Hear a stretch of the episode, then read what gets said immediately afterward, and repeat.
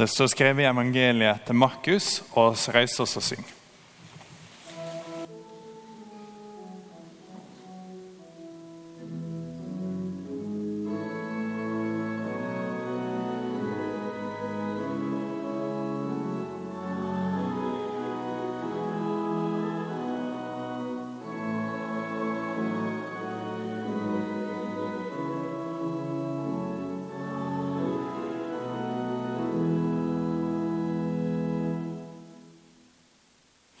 Hvis du snur det lille arket du fikk når du kom, så har du denne teksten der. En mann som var spedalsk, kom til ham, til Jesus. Fall på kne og ba. Dersom du vil, kan du gjøre meg rein. Jesus fikk inderlig medkjensle med han, rette ut handa og rørte ved han. Jeg vil, sa han, bli rein. Med det samme var sykdommen borte, og mannen ble rein. Jesus to, taler strengt til han og sendte han straks bort. Se til at du ikke sier et ord til noen om dette, sa han. Men gå og vis deg for presten, og be fram de offer for rensinga di som Moses har gitt påbud om. Det skal være et vitnemål for deg. Men mannen gikk av stad og ga seg til å fortelle om det som hadde hendt. Han gjorde det kjent vidt og bredt. og Derfor kunne ikke Jesus vise seg i noen by lenger. Han holdt seg utenfor byen på øde stader. Men folk kom til ham fra alle kanter. Slik lyder det hellige evangeliet. Nå fikk dere høre tre tekster. Så Kari la oss først en tekst eh, der David sier jeg har det så gale at ingen har lyst til å ha noe med meg å gjøre. Og David liker å gå inn i detaljer, så han går så dypt inn i detaljer om hvor gale han har det, at Den norske kirke har bestemt at dere ikke tåler eh, tekstene. Så de kutter tekster sånn at dere bare får liksom den milde varianten. Eh, du kan slå opp sjøl hvis du vil lese i Salme 38. Det, er liksom, det renner fra såra. Så det er ikke en måte på. Det er masse sånne ekle ting som skjer. For han har det skikkelig forferdelig. Og Så har dere hørt en annen tekst fra 1. Johannes, som er en av Jesus sine venner, Johannes, som sier at han ser tilbake og sier hvis Gud har elsket oss så, hvis han elsker oss så masse, da gir det sånn mening at oss må elske hverandre. Så vi har hørt disse to tekstene, og så har vi lest eh, denne siste teksten her, den du er på arket, og det er den vi skal bruke mest tid på, om noe som skjedde en dag med Jesus.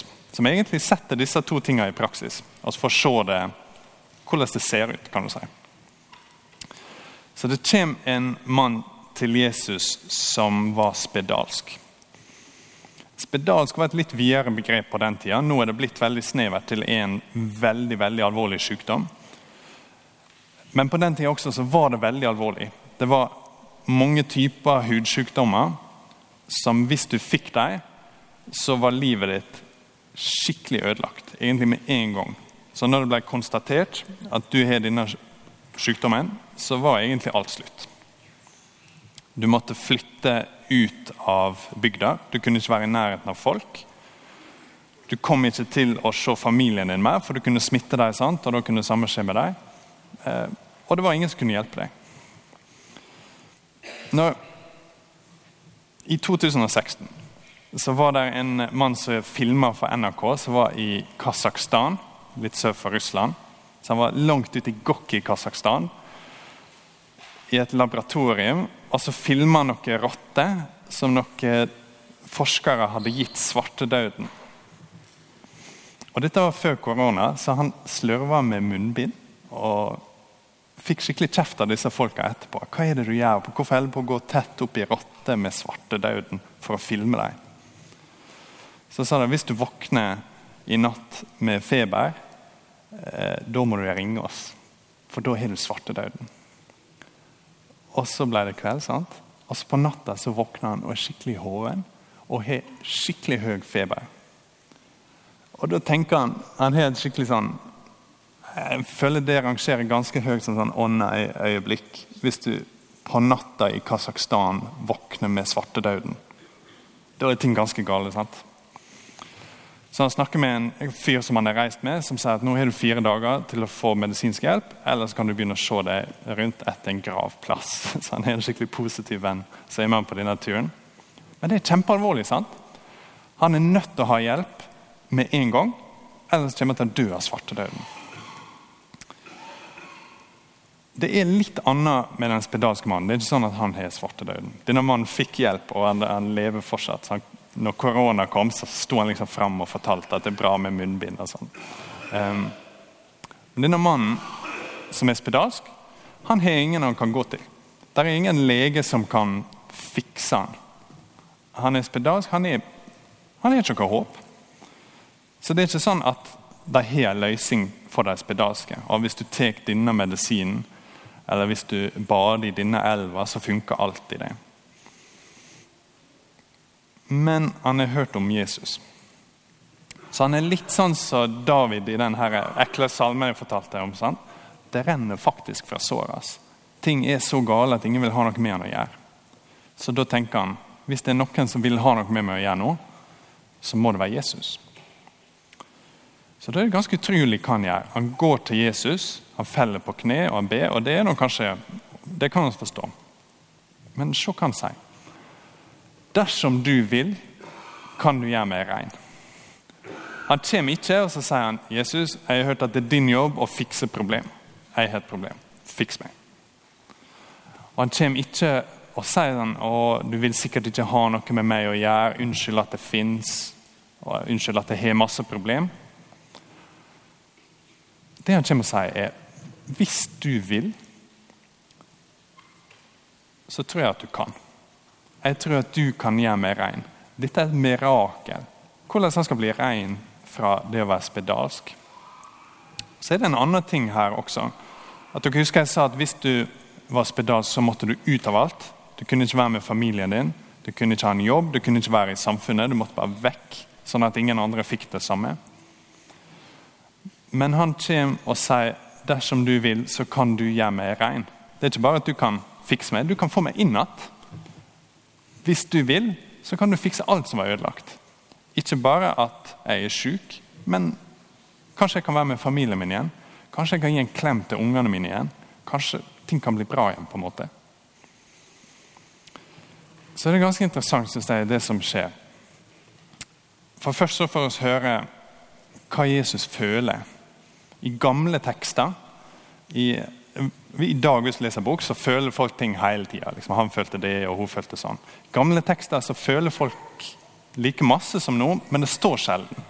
Du får oftere bare vite hva som skjer. Det er ikke sånn at du får masse info om å han følte det. og sånn. Så når det faktisk står, så er det megaviktig. Sånn som her.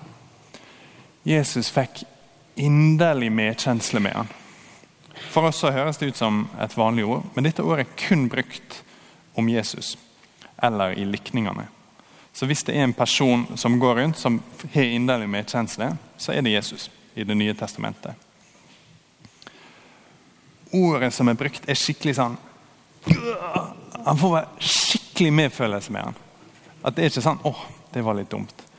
Det er akkurat som om Jesus får skikkelig vondt i magen for han føler sånn med denne mannen. Det er ikke sånn 'Å, så dumt at du var spedalsk'. Når han kommer til Jesus og sier 'hvis du vil, så kan du', så treffer det Jesus. Så han blir helt overvelda av medfølelse, betyr dette ordet. Det er litt vanskelig å og så ikke noe ord for det på norsk, så jeg bare skrevet 'inderlig medkjensle'. Men det betyr på en måte dette. Han får mega medfølelse med han. Og så sier han 'jeg vil'. Vanligvis på en film, hvis det er noen som skal gjøre et under, eller noe sånt, så har det en voldsom sånn, dramatisk ting. Si at, noen, sier at du ser en skrekkfilm, og så skal noen drive ut av ond ånd. Så er det veldig dramatisk. sant? De påkaller masse ting. Så de står der og så bretter opp armene, kanskje. Det går ikke helt an med dette, men dere forstår. Og så Ved strømshone og et eller annet sånt så skal du bli frisk. Det er veldig sånn, De lader skikkelig opp, snakker på en rar måte. Ved pommes fritesen på Aursnes-kiosken 'Bli frisk!' liksom, Sånn. Her er det ingenting av det. Det er veldig enkelt. Jesus bare sier 'Jeg har lyst. Jeg vil. Bli frisk. Det er ikke sånn at han trenger å appellere til noe høyere makt. Jesus trenger ikke å ja, vent, jeg må bare snakke med Å, vent, der er ingen over meg. Jesus trenger ikke å spørre noen om lov. Han er ett med Faderen. Han trenger ikke å påkalle strømsone eller noe sånt. Han kan bare si 'jeg vil'. Han har laga atomer i kroppen til denne mannen. Han vet hvordan de sitter sammen. Han kan bare endre på det, og så blir han frisk. Dette er ikke vanskelig for Jesus i det hele tatt. Men han gjør noe før han sier han vil. Som for oss bare ser ut som en detalj, men det er kjempeviktig. Se hva han gjør før. Han får denne mega-medfølelsen. Så retter han ut handa og tar på han. Det gir litt mer mening nå når dere vet hvordan han har hatt det. sant? Ingen er tatt på denne mannen siden han ble syk.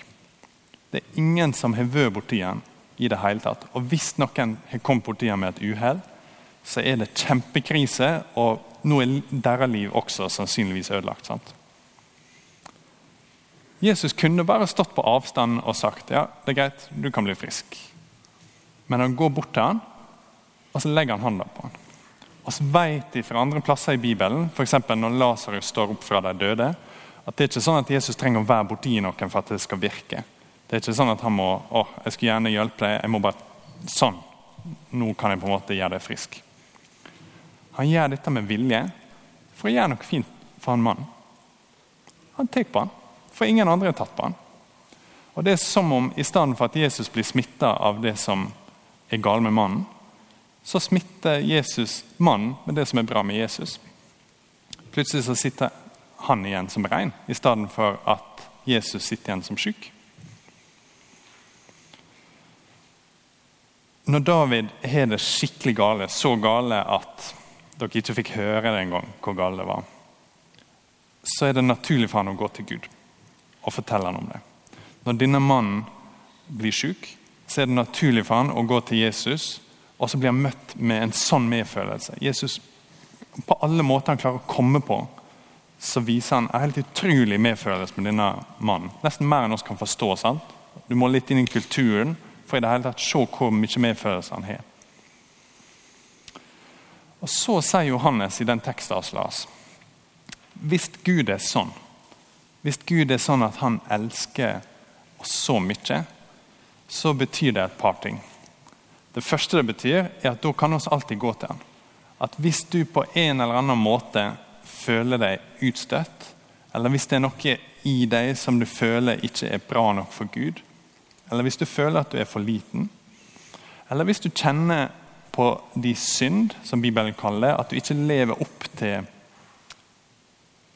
din egen standard eller til Guds standard, så kan du alltid gå til Gud med det. Vår svakhet er ikke noe som tar oss vekk fra Gud. Det åpner en dør til han. Vi kan alltid komme til han sånn som oss er. Og så møter han oss med inderlig medfølelse. Den andre tingen det betyr, er at hvis Gud elsker oss sånn, så må vi også elske oss hverandre. Hvis Gud har vist oss en sånn kjærlighet, så må vi elske hverandre. Hvis Gud er sånn at når en mann kommer til ham med sine problemer, så får han vondt inni seg av medfølelse, så utfordrer det oss som har fått den type medfølelse med han, til å være mer tålmodige med hverandre og ha mer kjærlighet med hverandre. Oss ber en kort bønn. Eh, gode Jesus, og se medfølelsen din. Takk for at du har den samme type medfølelse med oss, og oss ber om at vi skal ha det med hverandre. Amen.